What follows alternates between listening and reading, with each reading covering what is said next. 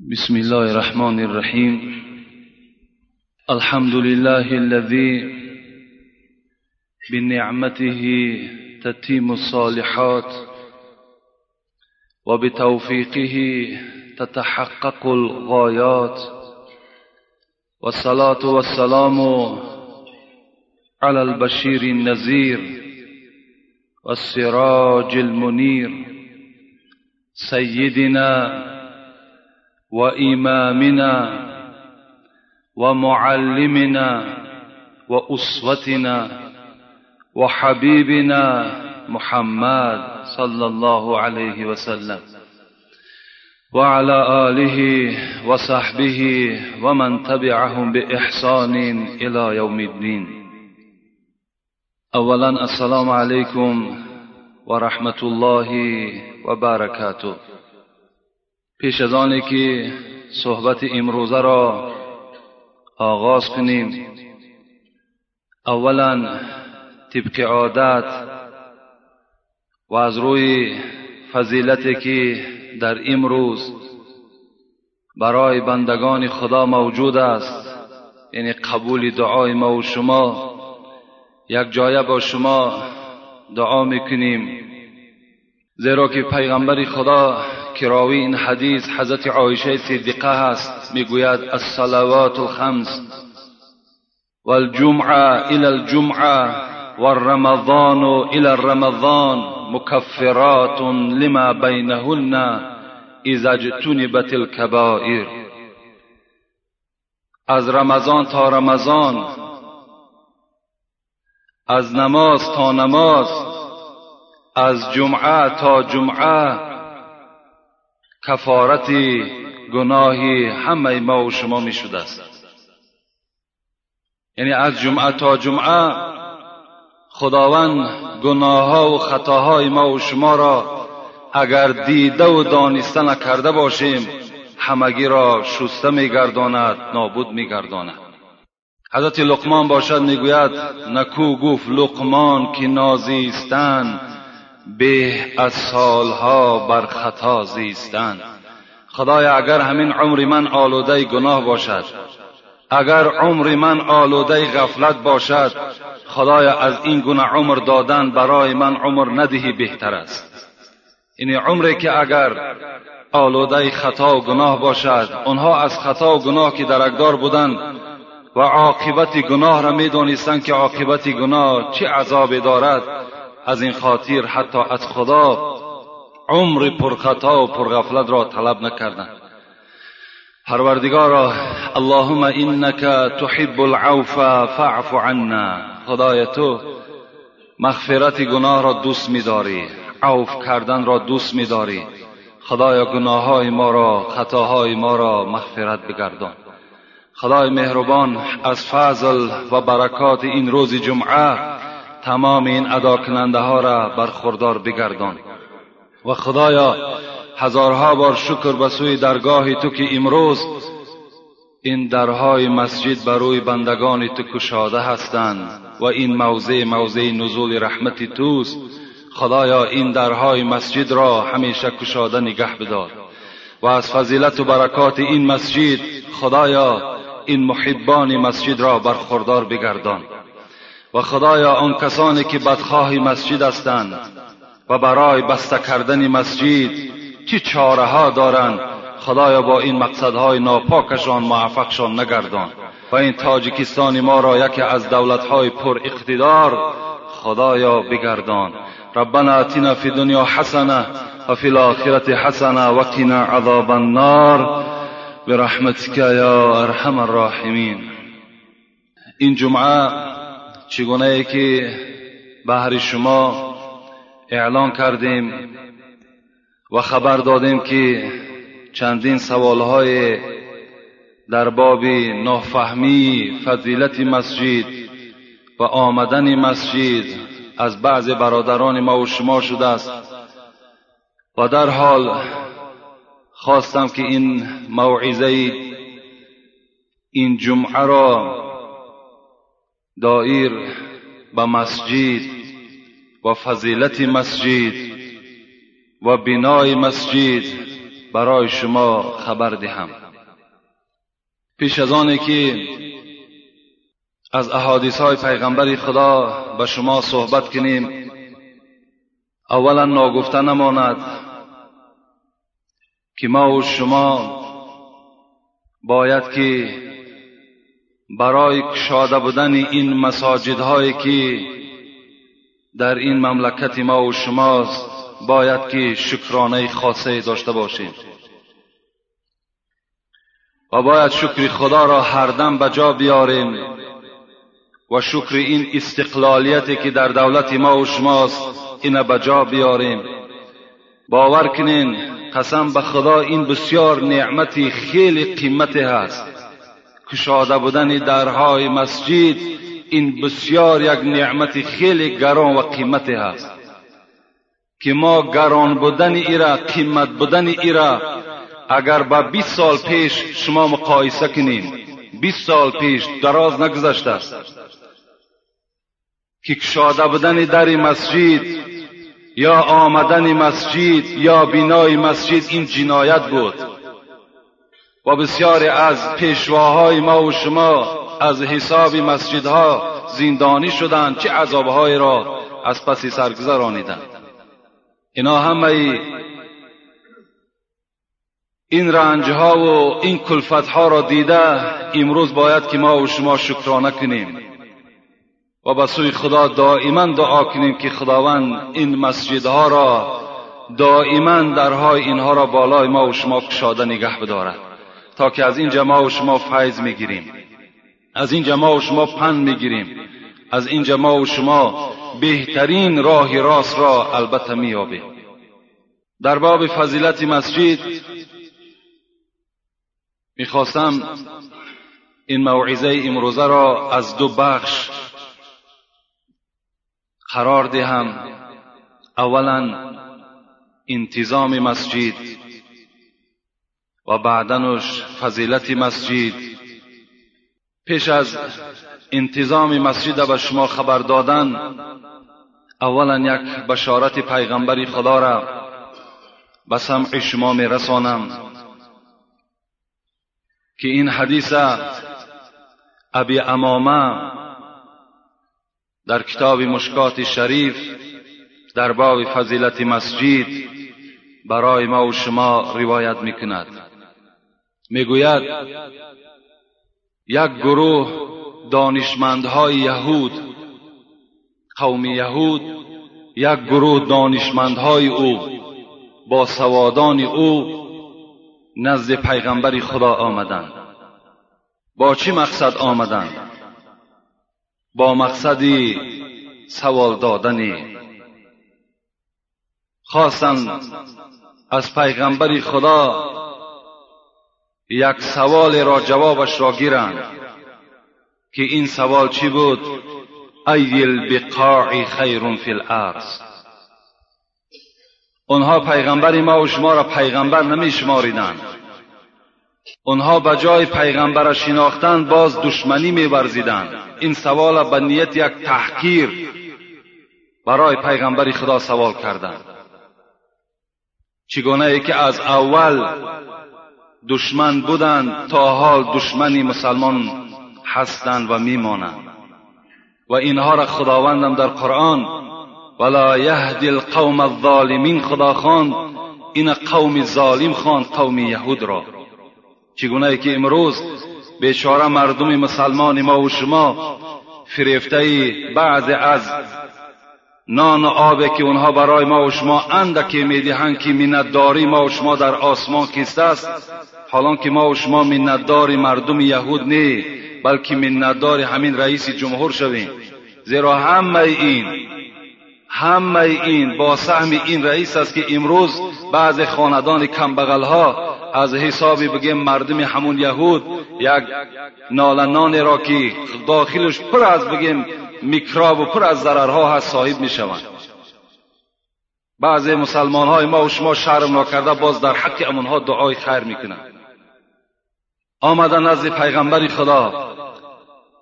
گفتند کدام پارچه زمین بهترین پارچه زمین است؟ پیغمبر خدا ابی امامه می‌گوید که پیغمبر خدا سکوت کردند. جواب نگفتند. اسکتو حتی یجیء جبرائیل پیغمبر خدا به طرف این یهودی ها چی گفت؟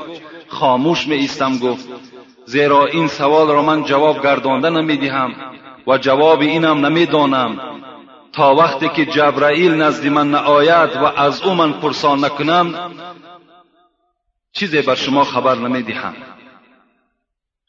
در حال می‌گوید جبرائیل نزد پیغمبر خدا آمدند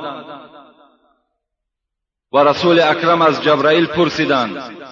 ای برادر جبرائیل از من سؤال دارند که بهترین پارچه زمین بهترین گوشه زمین کدام پارچه او هست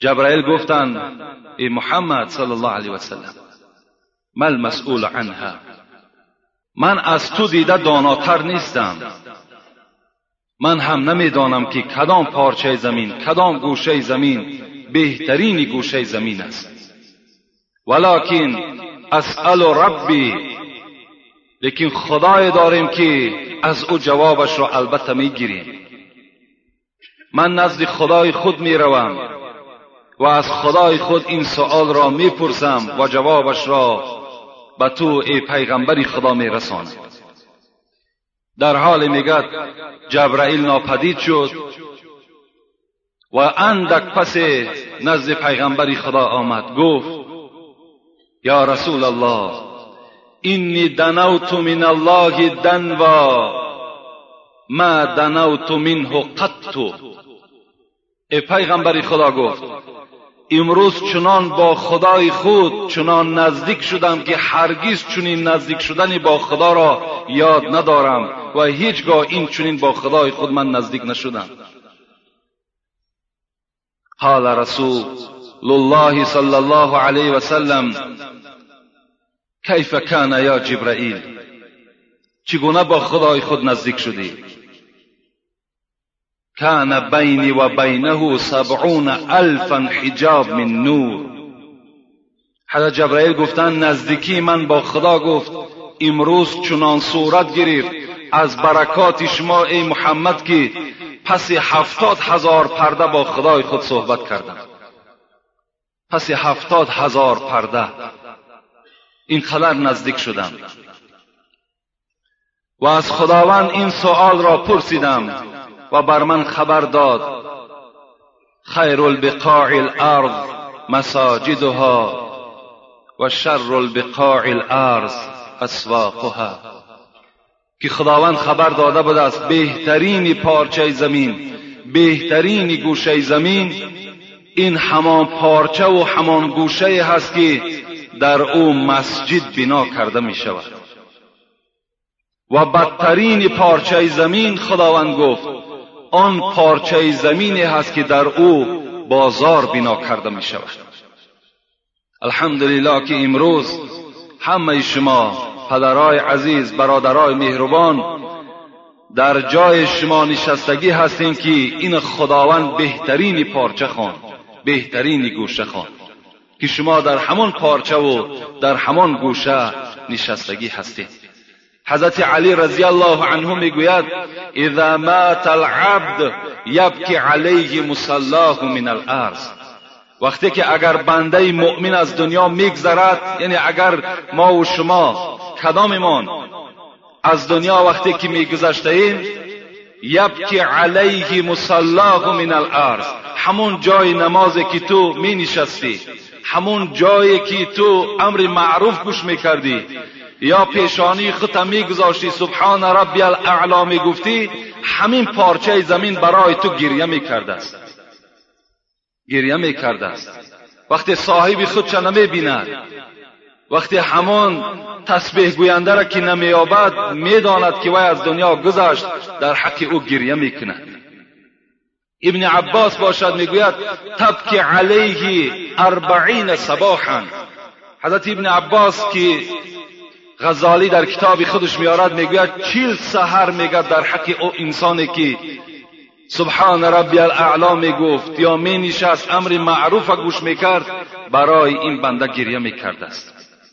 خوش به حال همه شما که این پارچه های زمین بهر شما گریه می‌کنند. این پارچه های زمین بهر شما از خداوند طلب مغفرت می‌کرده.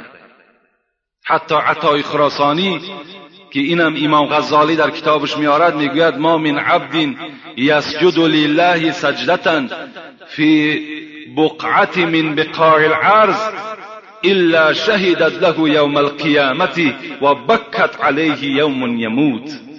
اینم عطای خراسانی گفتند کدام بنده ای که اگر پیشانیش در کدام پارچه از زمین؟ می‌گذارد و سبحان ربی الاعلا می‌گوید همین پارچه زمین برای او گریه می‌کرده است و همین پارچه زمین روز قیامت شاهدی می‌داد است که خدایا من شاهد هستم که همین بنده تو تو را سجده می‌کرد. و گریه بحری همون بنده می‌کرد است.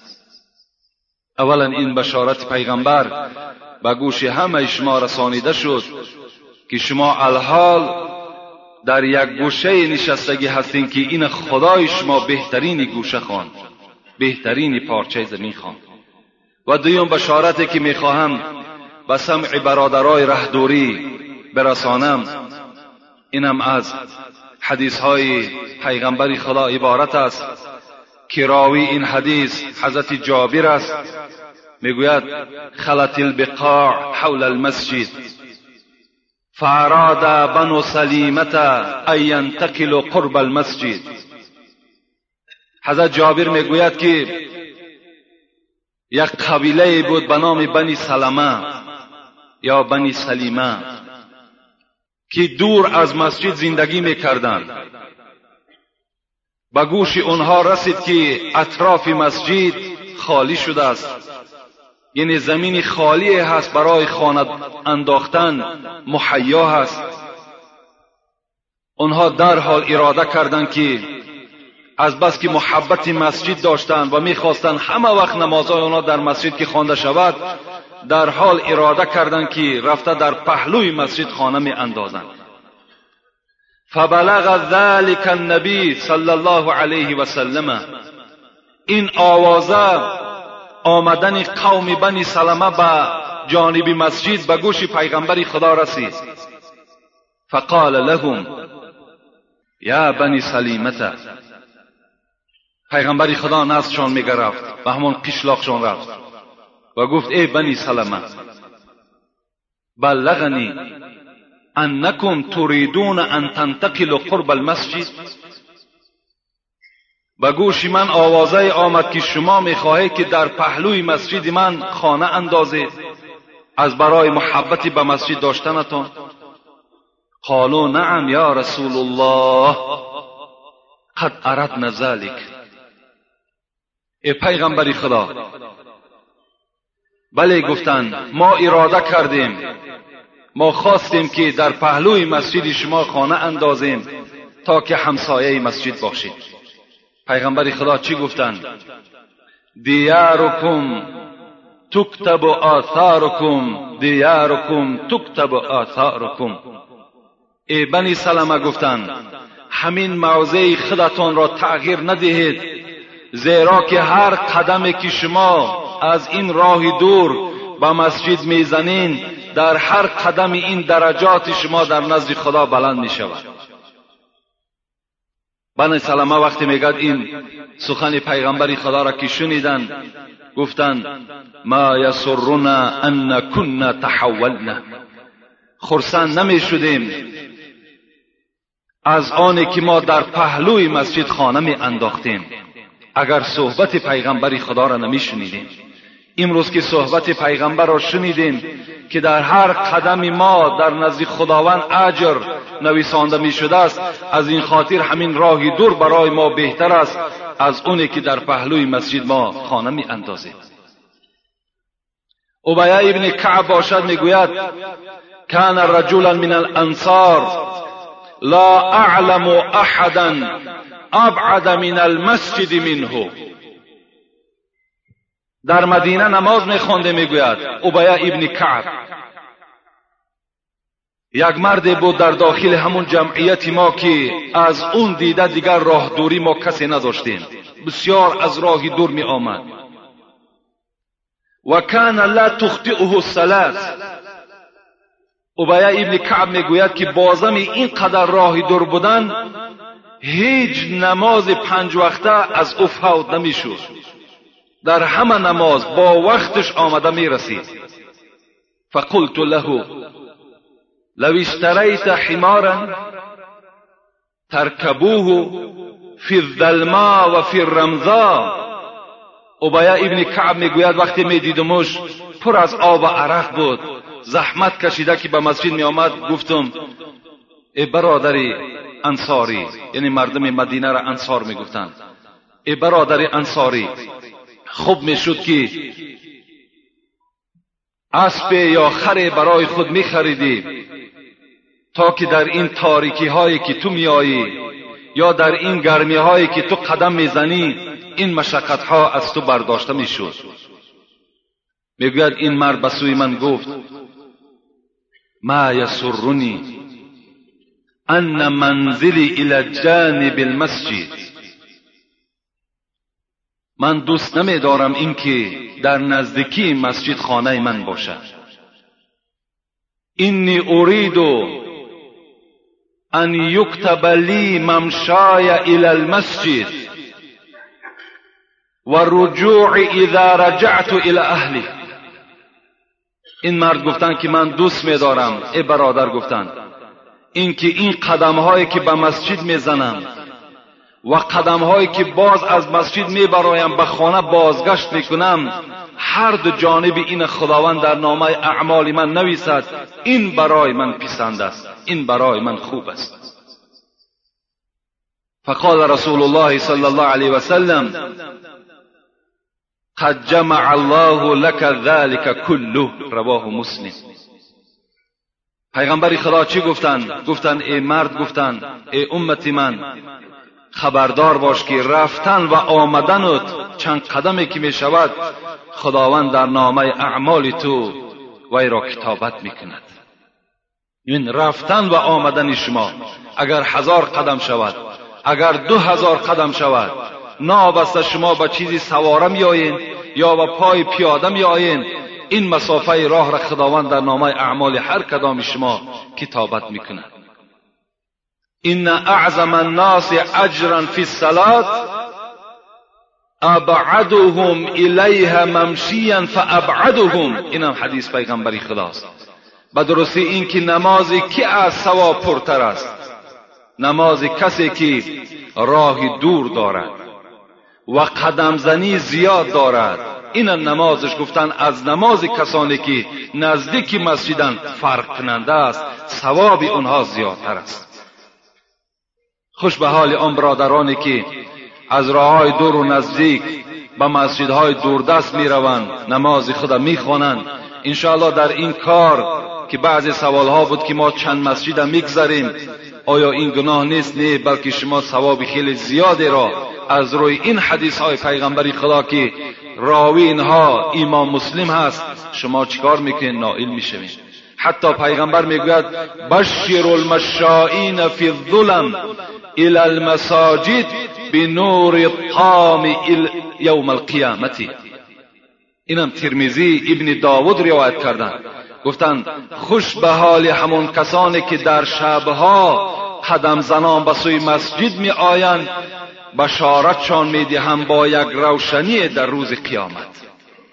این بشارت های پیغمبر خدا اولا صدا داد به آنی که در مسجد ما و شما هم مردم های رهدوری اشتراک دارند و برادرانی که در این بهترین پارچه زمین نشسته بودند و درک نداشتند که این بهترین پارچه زمین بوده است الحال الله باوری کامل حاصل کردیم که از روی حدیث های پیغمبری خدا فهمیدن که در بهترین پارچه زمین آنها نشستگی هستند.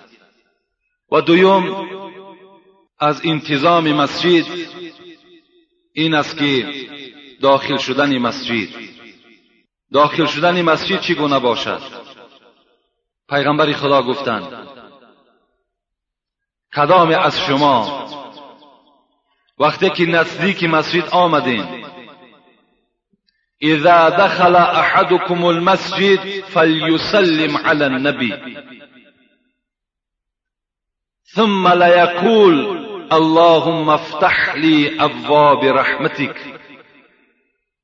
پیغمبری خدا گفتند وقتی که شما پای راستی خدا در داخل مسجد گذاشتین اولین کاری که شما انجام می‌دید این است که با پیغمبرتان صلوات بفرستید. صلوات چگونه است؟ اللهم صل علی محمد و علی آل محمد. زیرا این بهترین مکان بهترین گوشه ما و شما از طفیل پیغمبری خدا به دست ما و شما آمد. حضرت عوس ابن عوسین میگوید که پیغمبری خدا گفت افضل ایامکم یوم الجمعة فاکثروا علی من الصلاة فیه. فان صلاتکم معروضه علیه این پیغمبر ما و شما گفته بوده است ای امتی من بهترین روزها از روی فضل درجه این روز جمعه هست. از این خاطر در روز جمعه برای من صلوات بسیار بفرستید. زیرا اینه که صلوات شما معروضتون علی پیشنهاد من می شود می‌گویند که فلانی ابن فلانی به نام تو صلوات فرستاد. یک اللهم صل علی محمد و علی آل محمد گفتگی ما و شما نزد پیغمبر خدا پیشنهاد می شده که فلان امتی تو از فلان دیار از فلان محله به حق شما چکار کرد؟ صلوات فرستاد. قالو کیف تعرض صلاتنا علیک؟ وقد ارمت یعنی سرت رمیما و فی روایت بلیت. وقتی میگه پیغمبر خدا این حدیث گفتن صحابه های پیغمبر چیکار کردن؟ گفتن ای پیغمبری خدا چگونه صلوات ما پیشنهاد تو می شود در حالتی که تو در داخل قبر خاکستر شدی. در داخل قبر جسد تو پوسیده هست.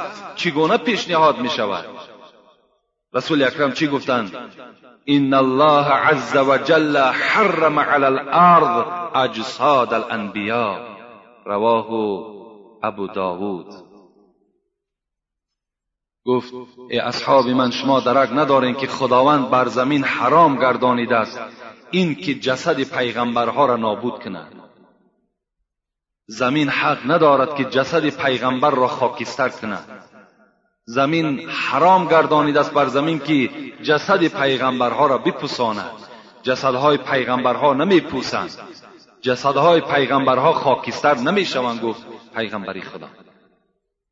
وقتی این صلوات ما و شما به نام پیغمبرمان که روان کردیم در حال از پسش دعا می‌کنیم اللهم افتح لی ابواب رحمتک. خدای مهربان. این درهای رحمتت را برای ما کشاده نگه بدار.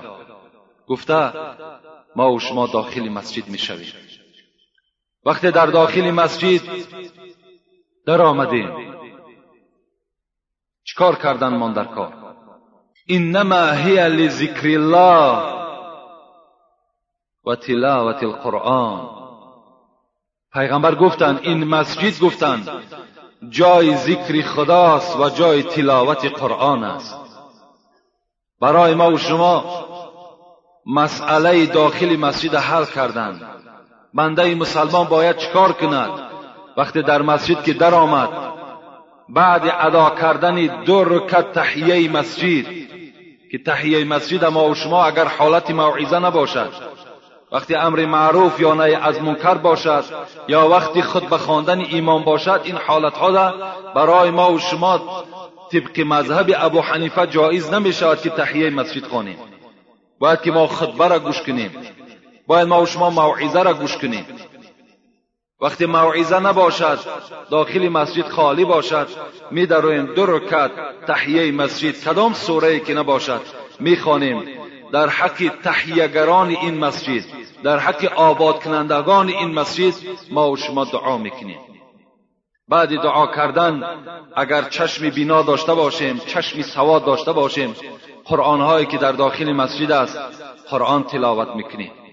اگر مبادای قرآن خواندن توانستیم تسبیح ها را گرفته سبحان الله الحمد لله الله اکبر ما و شما ذکر می‌کنیم. این در داخل مسجد باید که این عمل از ما و شما صادر شود. زیرا پیغمبر خدا می‌گوید الحدیث فی المسجد تأکل الحسنات کما تأکل البحائم الحشیش. سخنی بیهوده که در مسجد گفته می شود گفت پیغمبر حسنات شما را نیکی های شما را چنان می‌خورد چگونه که حیوان علف را می‌خورد چگونه که همین حیوانی که علف در حال نابود می‌کند می‌خورد این گونه همین حدیث های شما گپ های بیهوده و دنیایی شما نیکی های شما را می‌خورد و نابود می‌کند. در همین مشکات در باب فضیلت مسجد حضرت صاحب ابن یزید می‌گوید کنت فی مسجد. یک روز در مسجد رسول اکرم نشسته بودم. فحسبنی رجل. فنظرت فاذا عمر ابن الخطاب. همین حضرت صاحب می‌گوید که یک روز در مسجد پیغمبر خدا نشسته بودم. کمی پینک می‌برد خواب می‌برد. و ناگاه یک سنگچه در پیشانی من زد. نگاه می‌کنم که حضرت عمر با سنگچه به سوی من حواله کرد. فقال اذهب فاتینی بحزین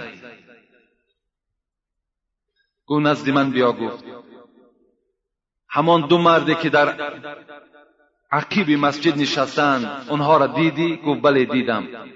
گفت اونها را نزد من بیار اونها مثل امروزه برادرای ما و شما را صحبت داشتند.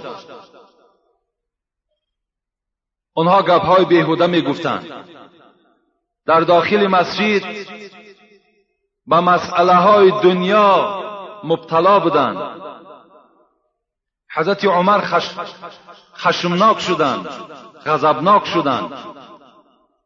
گفتند هر دو اونها را پیش من بیار. حضرت عمر بسیار جسور بودند بسیار با غیرت بودند. این مرد می‌گوید رفتم و هر دو آنها را خبر دادم که عمر شما را دعوت دارد. اون زمانها دوره خلافت حضرت عمر بود.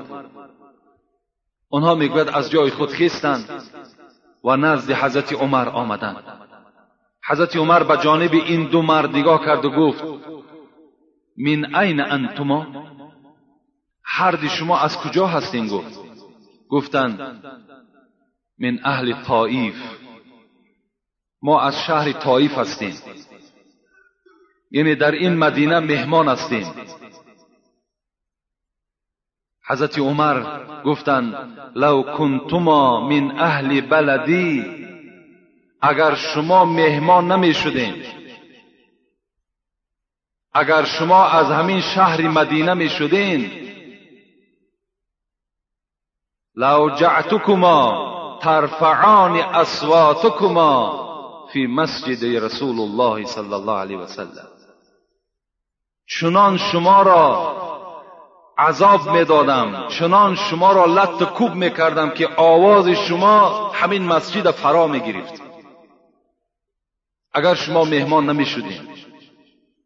لیکن خاطر همین مهمان بودن شما را نجات داد. از این خاطر در مسجد که نشستین گو حضرت عمر باید که خاموش باشین. یا به ذکر خدا مشغول شوین یا به تلاوت قرآن شما مشغول شوین.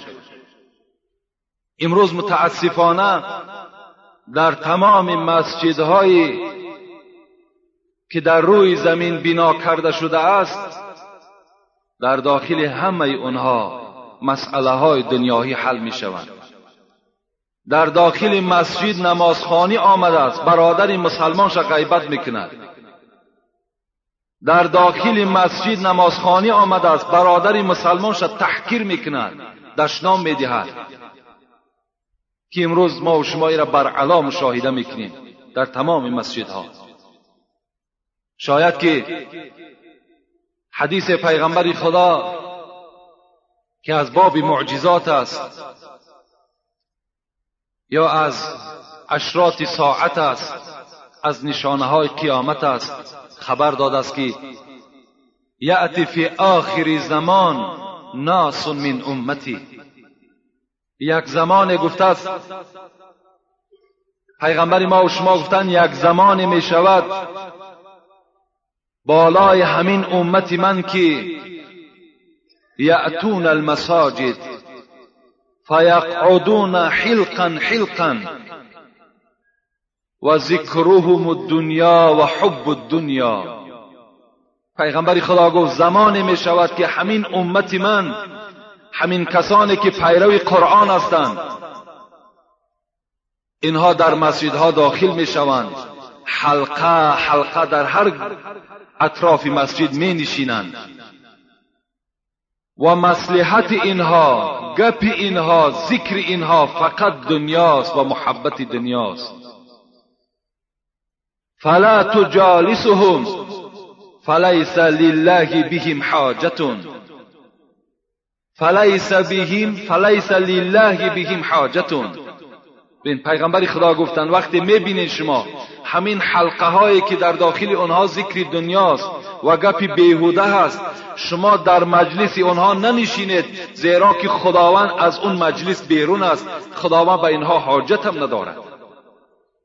خداوند به اینها تماما ثواب هم نمیرساند شما در حلقه آنها ننشینید برادرای عزیز از همه مهمترین امر مسجد امروز انا همین است که ما و شما از گپ دنیا در داخل مسجد باید که بیگانه باشیم باید از در داخل مسجد گپ دنیا نداشته باشیم و دیگر مسئله داخل مسجد چی هست دیگر داخل شدن مسجد این است که پیغمبر خدا فرمودند من اکل ثوما والبصل والکراث. فلا یقربن مسجدنا فان الملائکه تتأذى مما يتأذى بنو آدم. وقتی شما اگر در خاندان سیر خوردین گفتم پیغمبر یا پیاز خوردین یا مثل دیگر میوجاتی که بوی دارند. وقتی شما استعمال کردین به مسجد داخل نشوین. زیرا اینه که از آن چیزی که ملائکه های خدا آزار میابند فرزندهای آدم هم از آنها آزار میابند یعنی از آن چیزی که فرزند آدم آزار یافت ملائکه های خدا هم آزار میابند یعنی وقتی که شما سیر می‌خورین یا پیاز می‌خورین بدن شما بویناک می‌شود. پیغمبر خدا گفتند شما مسجد داخل نشوین زیرا آزار برادر مؤمن می شود آزار برادر مؤمن شد البته آزار ملائکه ها می شود مطلب از این حدیث پیغمبر خدا در چیست؟ از این است که باید ما و شما در روزهایی که به مسجد می آییم باید که بهترین لباس در بر داشته باشیم. و از تمام آن اشیای بویناکی که در بدن ما و شماست یا در شکم ما و شماست باید که از اینها دور باشیم. متاسفانه در بعضی از مساجدها وقتی که نماز می‌خوانی باور کنین همون جایهای نماز در جایهای نماز بویهای همون جوربه های ما و شما. بویهای همون پایهای ناشسته ما و شما قالب بستگی هستند. یا چگونه ای که بخواهد چگونه لباسی که بخواهد همان لباس می پوشد و به مسجد می آید بدترین مکان بازار است برای مسجد بهترین برای بازار بهترین لباس می پوشد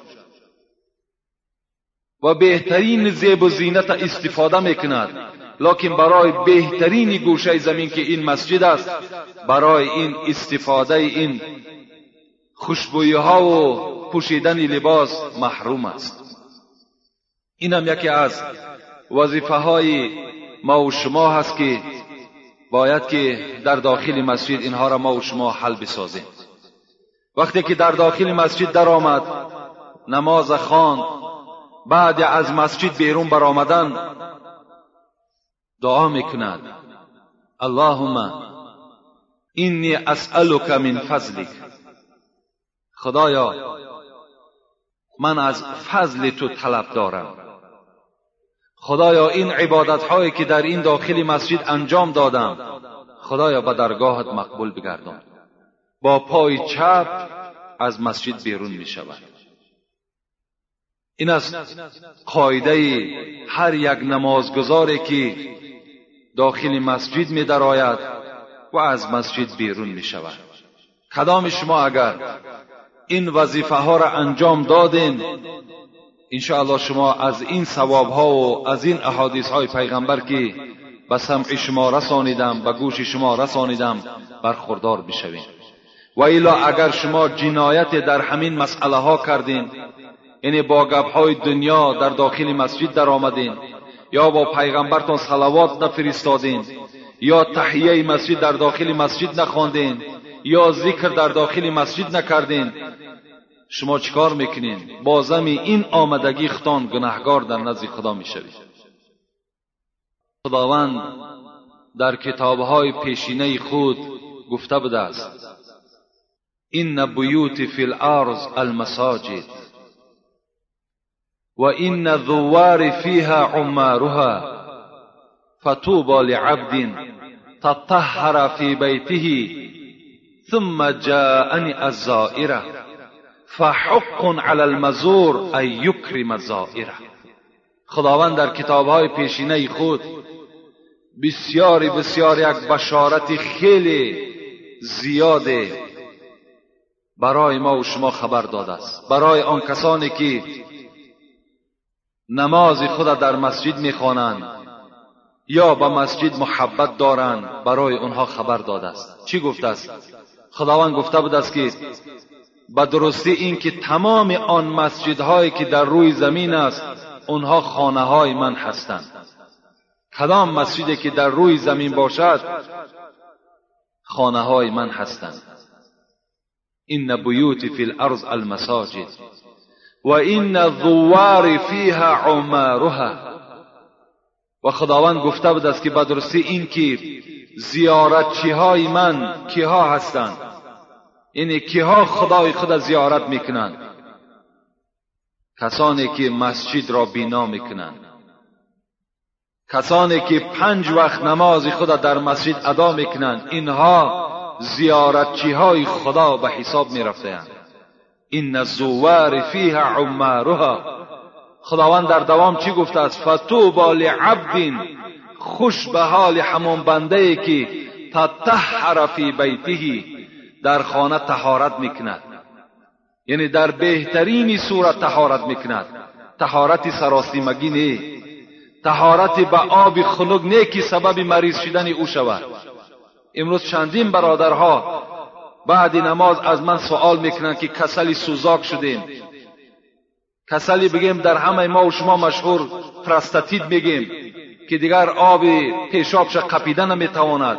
امروز با همین کسلها مبتلا شدیم. نمازهای خود چگونه ادا کنیم؟ و همه این سببش برای ما و شما امروز معلوم است که این آب خنک است. شما از تهارت کردن آب خنک پرهیز کنید. به آب خنک تهارت نکنید حتی در روزهای گرم هم شما به آب خنک تهارت نکنید بعد وقتی که تهارت کردین به خود خاصه همان لطه که در دست دارین تمام وجود خود قاق کنید پاک کنید تا که هیچ آب در وجود شما باقی نماند که این سبب می شود و شما را خنکی می زند و شما دیگر از اون عبادتی که با شوق با ذوق می کردید از اون دیگر مانده می شوید دیگر ادا کردن نمی توانید در دوام خدا گفته بود از خوش به حال همان بنده که در خانه در بهترین صورت تحارت می کند ثم جاءنی الزائره. بعد از آن چکار می‌کند؟ لباس های خود می پوشیده است می پوشیده است. و می گفته است که به مسجد می روم برای شنیدن امر معروف می روم برای ادا کردن نماز جمعه می روم. یا برای ذکر خدا می روم. یا برای آنه که بهترین گوشه است و رحمت خدا در او گوشه است. از رحمت خدا برخوردار شوم با این مقصد وقتی که مسجد می آید نه به مقصدهای پلید بلکه با این بهترین مقصد وقتی که به مسجد می آمده است خداوند گفته بوده است. فحق علی المزور ان یکرم زائره. چگونه که شما ای بندگان من مهمانهای خودتان مهمان نوازی می‌کنین برای مهمانهای خودتان سرگردانی می‌کنین برای مهمانهای خودتان دسترخوان میپرتایین برای مهمانهای خودتان باز طعامهای نو پخته می‌کنین من هم این زائرانی خدا من هم این کسانی که با شوق و با ذوق با یک دل خالیص به مسجد آمدن البته اکرامشان می‌کنم. اینها را احترام می‌کنم. فقط موت فقط مرگ سبب شده است و الا برای اینها من در جنت دسترخان آماده می‌کنم. من غدا الى المسجد او راحه پیغمبر خدا می‌گوید کسی که سحر یعنی این سهرها چقدر مشکل است به نماز جماعت آمدن خواب بالای آدم غلبه می‌کند شیطان وسواس می‌کند که شما حرکت نکنید به سوی مسجد خواب کن یک دم پس میخیزی نماز می‌خوانی یا یک دم پس بعد مسجد میرای بعد یک دم پس وقتی که بیدار میشه نگاه می‌کنی که الکه از ثواب مسجد محروم شده یک دم پس بیدار میشه که الکه افتاو برآمده است. این وسواس های شیطان بود که شما را محروم کرد. اگر این وسواس های شیطان در دل شما جای نگرفت و شما با تمام همون ایمانداریتان سهر خیستین و در نماز جماعت بامداد وقتی که اشتراک می‌کنین با چشمهای پر از خواب لیکن با یک دل پر سرشار ایمان وقتی شما مثال قدم زنان به سوی مسجد می آیین پیغمبر خدا گفته ایستاده است من غدا الى المسجد او راحه یا اینکه تا بیگاه مانده نمی شوی نماز بامداد آمدی به مسجد نماز پیشینم آمدی عصر آمدی شام خفتن همه را ادا کردی. اعد الله له نزولا فی الجنه کلما غدا او راح پیغمبر خدا گفتند در هر یک آمدگی تو خداوند در جنت دسترخان آماده می‌کند. فقط منتظر همین بنده هست که وای قدم زنان به سوی مسجد می آید. این مرگ چیزی ناگهانی هست. این مرگ هیچ نشانه ندارد. اگرچه بعضی از دانشمندهای ما و شما بعضی نشانه های او را برای ما و شما خبر دادند. که موی سر سفید می شود آدم بیمار می شود میان او خم می شود اینا نشانه مرگ هستند. الان که بیدل می‌گوید قامت خمگشته پیران نشانی مرگ نیست یک کمان سطحی را در خاک پنهان می‌کند.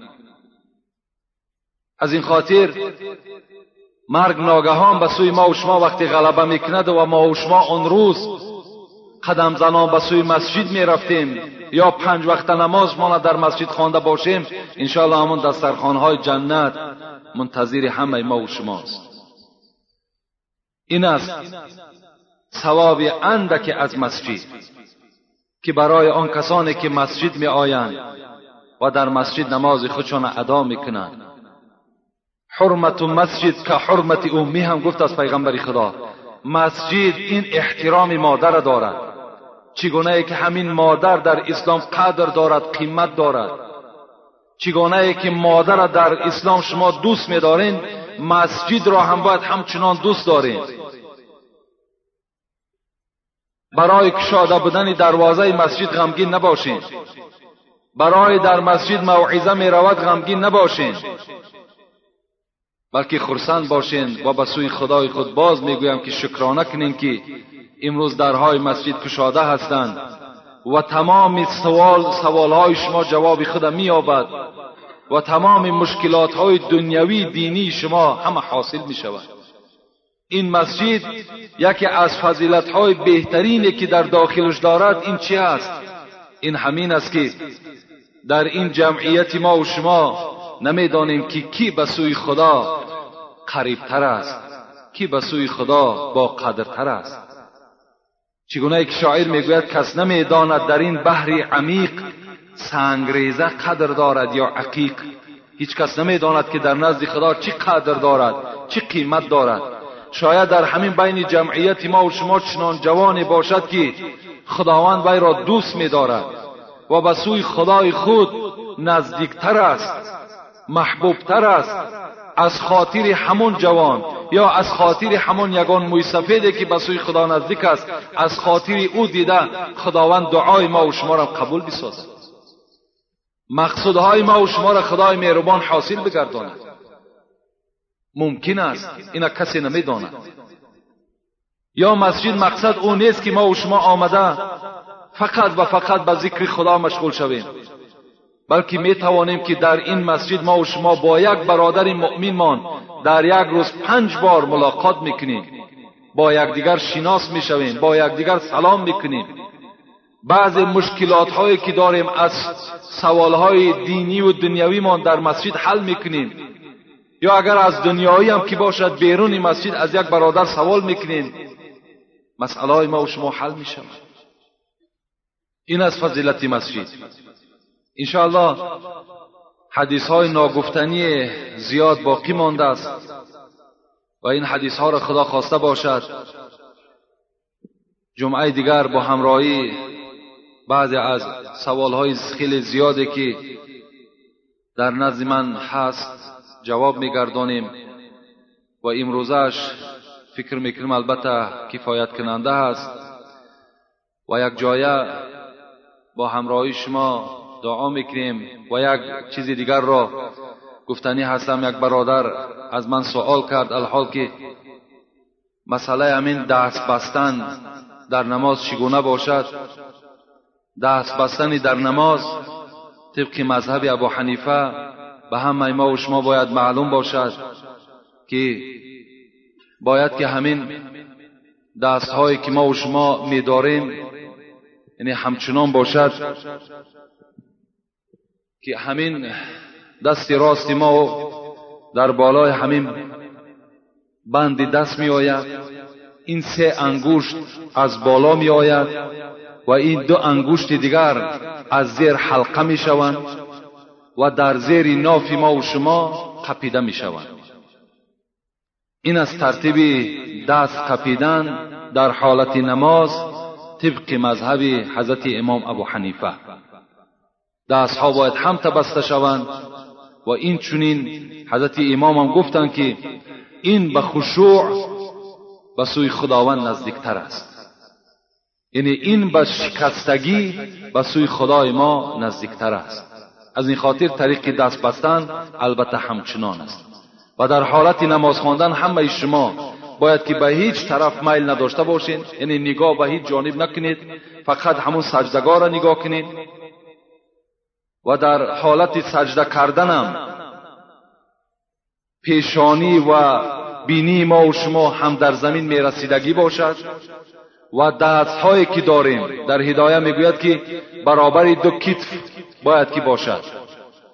در زمین وقتی که می‌گذاریم برابر دو کتف می‌گذاریم و در بین هر دی این دستها ما و شما سجده می‌کنیم. یعنی کشاد دستها را نمی‌گذاریم این از ترتیب در نماز استادن و نزد حضرت امام ابو حنیفه هم در حالت راست استادن باید بین قدم های ما و شما از چهار انگشت زیاد دیگر کشادی نداشته باشد.